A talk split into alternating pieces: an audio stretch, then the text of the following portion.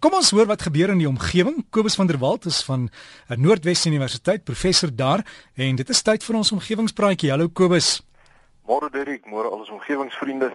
Ja, nee, dit raak nou weer die mooi tyd daar in Namakwaland. Uh gister was van ons vriende hier gewees wat op pad toe soontoe om hulle familie daar om daar te gaan kuier en so aan en uh, ek my hart trek 'n punt want dit is daarom maar net 'n pragtige iets om te sien. En mense wat nog nooit die Namakwaland se blommetjies gaan kyk het nie, gaan verjaar. U sal nie spyt wees nie, dit is regtig 'n lewenservaar 'n lewenservaring wat 'n mens nie kan oorvertel nie. Maar goed, uh terug by die by die praatjie vanoggend. Eerstens baie dankie vir die klomp omgewingsvriende wat nou vir my geskryf het met die voorneme om mense wat swaar kry in die Rustenburg area te help met finansiële of ander bydraes. Die blye nuus is natuurlik dat die staking verby is, maar die realiteit is dat daar talle mense is wat nou nie noodwendig by die myne werk nie, maar wat ook baie swaar getref is deur die uitkringende uitwerking van die staking en dit gaan 'n hele klomp maande neem voordat hulle weer op die bene is. So elke bietjie hulp is steeds nodig asseblief. Baie van ons vriende het gevra hoe hulle hulle bydraes in Rustenburg uh of vir Rustenburg van by die regte mense kan uitkry. En ek dink die maklikste is dalk om met u kerk se predikant op Rustenburg in verbinding te tree en enige bydraes op hierdie wyse te kanaliseer. En dan kan mense natuurlik ook op die internet soek na solidariteit helpende hand of uh, van die ander uh, welsyns of uh, diensorganisasies. Ehm um, hulle kontakbesonderhede is op die internet. Maar hoe dit ook al sê, baie dankie vir die mense wat bereid is om ons medemense te help wat daar in Rustenburg se area nog steeds swaar kry. En ons is baie dankbaar daai staking is verby. En dan Dirk, ek lees dat die Wêreld Natuurlewe Vereniging verlede week hulle ernstige kommer uitgespreek het oor die toename in die stroop van olifante in Mosambiek vir hulle ivoortande. 'n Opname met vliegtye het getoon dat daar omtrent 900 olifante die afgelope 3 jaar doodgemaak is in die noordelike Kirimbas reservaat in Mosambiek.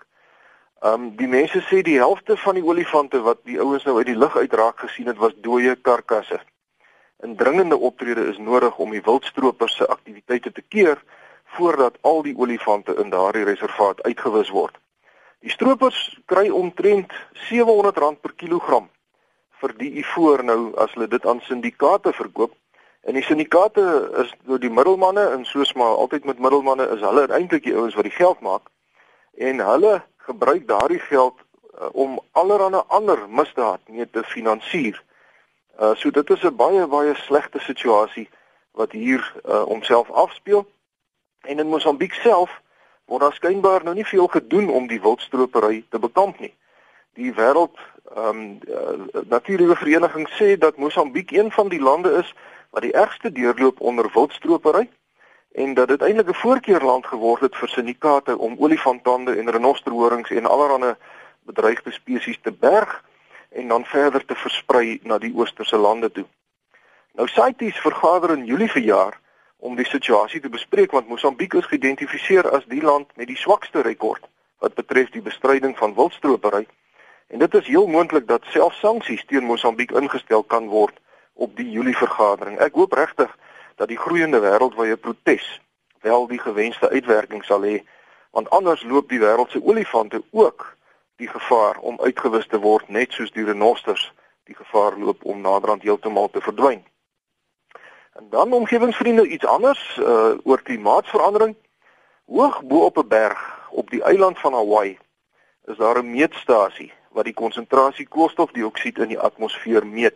Nou hulle het hom daar gesit omdat daar nie groot industrie naby is nie. Hy's in die middel van die Stille Oseaan. So dit wat mense daar meet kan mense aanvaar is redelik uh, verteenwoordigend van die gemiddelde CO2 konsentrasie in die atmosfeer. Nou volgens hierdie metings daar bo op die berg in Hawaii het ons nou die 400 dele per miljoen kerf verbygesteek. Wat beteken dat die koolstofdioksied vlak in die atmosfeer nou die hoogste in 800 000 jaar is. Daar was wel in die ouer geologiese geskiedenis van die aarde tydperke waar die CO2 vlakke nou nog hoër was, maar dit was te wyte aan natuurlike veranderinge wat nog nie mooi verklaar kan word deur die wetenskap nie. Maar die wetenskap is baie seker dat die punt waar ons nou is, nie te wyte is aan natuurlike oorsake nie, maar aan menslike aktiwiteite. Die uitwerking daarvan word al hoe meer duidelik, soos in 'n onlangse studie wat deur NASA en die Universiteit van Kalifornië vrygestel is wat wys dat die vinnige smelting van die Wes-Antarktiese ysplaat 'n punt bereik het waar dit onomkeerbaar blyk te wees. Nou hierdie bevinding volg op 40 jaar se metings. Dis nie voorspellings of of modelle nie, dis metings. En dit is nou duidelik dat die Antarktiese gletsers net soveel smeltwater tot die see toevoeg as die gletsers op Groenland wat aan die smelt is. Nou, ons praat hier van reuse hoeveelhede ys en dit sal omtrent nog 200 jaar lank duur voordat die hele gletser nou gesmelt is. Maar al die smeltwater sal die seevlak dan met etlike meter laat styg. En in 'n ander studie wat in die uh, joernaal Environmental Research Letters gepubliseer is, word gewaarsku dat bekende landmerke soos die Statue of Liberty in Amerika, die Londen Brug in in Londen self en Sydney se Opera Huis dan onder water sal wees. Verder sal 12 lande meer as die helfte van hulle grondoppervlak verloor. En vir 'n verdere 36 lande sal daar minstens 10% van hulle oppervlak onder water wees. Nou as ons na mense kyk, dan sal 7% van die wêreldbevolking 'n ander heenkome moet vind. En dit beteken dat omtrent 500 miljoen mense haweloos gelaat sal word.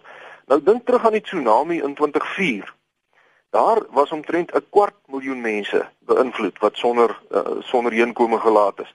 Hier praat ons van 500 miljoen mense. Nou hierdie is 'n situasie wat ons nageslagte in die gesig staar en ek weet nie hoe hulle dit gaan hanteer nie. Want in baie opsigte is die huidige geslag reeds te laat om die komende rampe heeltemal te keer. Maar gelukkig is alles daarom nog nie verlore nie en elke bietjie wat ons nou kan doen sal help dat ons nageslagte dalk nie so 'n totaal hopelose situasie by ons sal erf nie. En daarom is ek baie dankbaar. Uh, uh president Zuma het baie kritiek uitgelok met sy staatsrede, maar hy het gepraat van uh dat Suid-Afrika binne die afsienbare toekoms verdere kernkragbronne gaan oprig. En dan sien ek ook dat die uh windplase in Suid-Afrika oral soos paddastoele opskiet en sonenergie bly ook nie agterneem. Dit is alles uitstekende nuus. Uh en dan saam met president Zuma se opmerking oor die kernkrag uh sien ek uh, daarom lig in die in die in die donker tonnel. Maar ek is bekommerd oor president Zuma se opmerking oor skaliegas. Dit is wel so dat skaliegas 'n laer invloed op die omgewing het as steenkool. Maar dit bly steeds 'n fossiel brandstof. En ek is oortuig daarvan dat die hele wêreld spoedig 'n beginselbesluit sal moet neem om voortaan slegs hernubare energiebronne op te rig en dan natuurlik kernkrag en dat uh, die fossielbrandstowwe net gebruik gaan word totdat daar genoeg opwekkingsvermoë op hierdie alternatiewe wyse opgewek gaan word. Ons kan verdere besoedeling van ons atmosfeer eenvoudig nie bekostig nie. Dit is so eenvoudig soos dit. Want as mens nou op 'n geïntegreerde wyse na die aarde as geheel kyk, dan lyk dinge regtig nie rooskleurig nie. In 'n studie wat deur die Universiteite van Maryland en Minnesota in die VSA vrygestel is, word tot die gevolgtrekking gekom dat indien die wêreld aangaan soos nou, 'n kombinasie van die toenemende druk op hulpbronne, die voortdurende bevolkingsgroei en ook die toenemende oneweredige verspreiding van welvaart binne 'n paar dekades tot die ineenstorting van die geïndustrialiseerde orde kan lei. Met ander woorde, die wêreld soos ons hom nou ken, sal ophou bestaan. En hierdie is regtig nou nie net 'n leë waarskuwing nie. Kom ons kyk weer na die olifantslagting in Mosambiek as voorbeeld. Ons sien die arme mense, uh, hulle hulle uh, wis nou die olifante uit vir geld omdat hulle waarskynlik nie van beter weet nie of hulle gee bloot nie om nie, uh, want hulle het geen ander heenkome nie en hulle het dus eintlik niks om te verloor nie. Die amptenare wat hierdie praktyke toelaat en ook die misdaadsyndikaate wat die ivoor opkoop is gewetenloos en geldgierig. En die eindverbruikers is die enkele ultra welgestelde mense wat nie 'n flenter omgee vir die arme mense in die bosse van Mosambiek waar die ivoor oorspronklik vandaan kom nie. As die, al die olifante dood is, dan gaan die arme mense nog armer wees en die rykes nog ryker. Die verskil is egter dat die ryk mense nou bloot iets anders sal soek as plaasvervanger vir die ivoor, terwyl die arme mense in Mosambiek dan geen inkomste sal hê nie omdat die olifante nou almal weg is, so hulle sal nie eers ekotourisme of iets anders aan die gang kan kry nie. Op hierdie wyse neem die oneweredigheid in welvaart gedurig toe oral op aarde, omdat die arme mense telkens in 'n slegter posisie gelaat word. Nou daar's natuurlik dis 'n komplekse ding hierdie en en almal het skuld daaraan, maar die navorsers waarsku ernstig teen so 'n onvolhoubare situasie waar 'n klein minderheid mense al hoe ryker word terwyl die oorgrootste massa gedurig al hoe armer word, maak nie saak wat die redes daarvoor is nie. Dit is 'n onvolhoubare en 'n gevaarlike situasie en daar sal drastiese politieke besluite geneem moet word om die voortdurende groei in wêreldbevolking en die steeds groeiende ekonomie met die gepaardgaande uitwissing van hulpbronne en grootskaalse besoedeling stop te sit. En terselfdertyd die natuurlike balans sowel as die sosio-ekonomiese balans in die wêreld te herstel. En hierdie eenvoudige feit het natuurlik ook implikasies vir ons hier in Suid-Afrika. Ons het een van die heel skeefste welvaartprofiele in die wêreld. Met ander woorde, daar is 'n massa arme mense en 'n minderheid ryk mense in ons land en dit is eenvoudig onvolhoubaar. Die arme mense is maklike teikens vir mense met allerlei ander agendas en hulle eise en uitsprake raak al hoe meer radikaal en dit laat gevaarligte flikker van 'n chaotiese staat van anargistiese armoede as ons leiers nie vinnig daadwerklike stappe neem nie. En dit moet natuurlik begin by ons swak onderwysstelsel. Ons skoolstelsel lewer elke jaar 'n klompie wêreldklas leerders, maar meer as die helfte van ons kinders kom nie eers by matriek uit nie. En verder is dit in Suid-Afrika lankal nie meer wit mense wat ryk is en swart mense wat arm is nie. En dit beteken dat regstellende aksie nie meer langer op rassegrondslag toegepas behoort te word nie, maar dit moet verskuif word vanaf 'n rasgebaseerde stelsel na 'n inkomste-gebaseerde stelsel.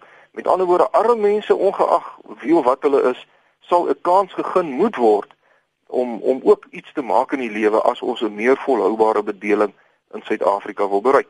Kom ons hoop ons politieke leiers lê die nodige insig aan die dag om hierdie eenvoudige waarhede in te sien. Want as hulle dit nie doen nie, dan gaan die druk van die toenemende massa halfgeletterde mense op ons beperkte hulpbronne lei tot die verdere vernietiging van die natuur soos wat ons nou sien met die olifante in Mosambiek. daarmee saam grootskaalse besoedeling en dan natuurlik ook agteruitgang in volhoubaarheid op alle terreine. En dit is 'n gevaarlike plek om te wees. Dit daarmee sluit ek af. Skryf gerus vir my by kobus.vanderwalt@nwu.ac.za of by die fakulteit Natuurwetenskappe Noordwes Universiteit, Potchefstroom 2520. Vriendelike groete tot 'n volgende keer. So gesels Kobus van der Walt van Noordwes Universiteit. Daai e-pos is kobus met 'n k. kobus.vanderwalt aan mekaar kobus.vanderwalt by nwu.ac.za en ook klomp versoeke van die uh, mense wat wat vir die vir die behoef behoeftiges in Rissenburg insamel is net om die kerke se webblaai te besoek. Kan jy inligting en adresse daar gaan kry.